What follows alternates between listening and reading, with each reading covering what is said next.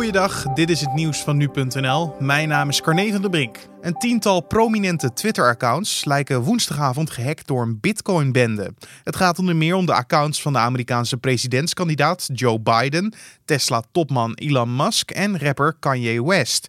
De accounts hebben een soortgelijk bericht gedeeld, waarin wordt beloofd dat een bedrag wordt verdubbeld als er geld naar een Bitcoin-rekening wordt overgemaakt.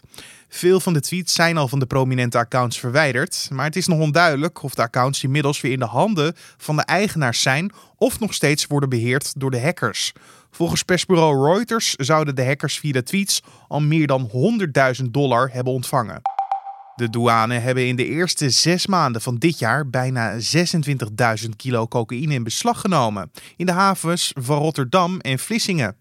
Dat is twee keer zoveel als in de eerste helft van 2019. De grootste vangst betrof 4500 kilo cocaïne in Vlissingen, vermoedelijk afkomstig uit Costa Rica. De straatwaarde van de drugs werd geschat op zo'n 180 miljoen euro. De douane laat weten dat er meer cocaïne in beslag is genomen vanwege een intensievere samenwerking met de nationale opsporingdiensten en de internationale douanediensten van bijvoorbeeld Brazilië en België.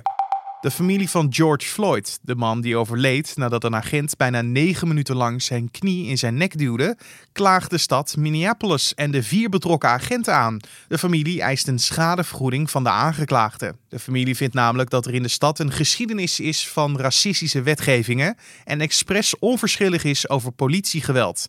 Het was de knie van de hele politieafdeling van Minneapolis op de nek van George Floyd, al dus de advocaat van de familie. Minneapolis laat in een reactie aan persbureau Reuters weten de dood van Floyd een tragedie te vinden.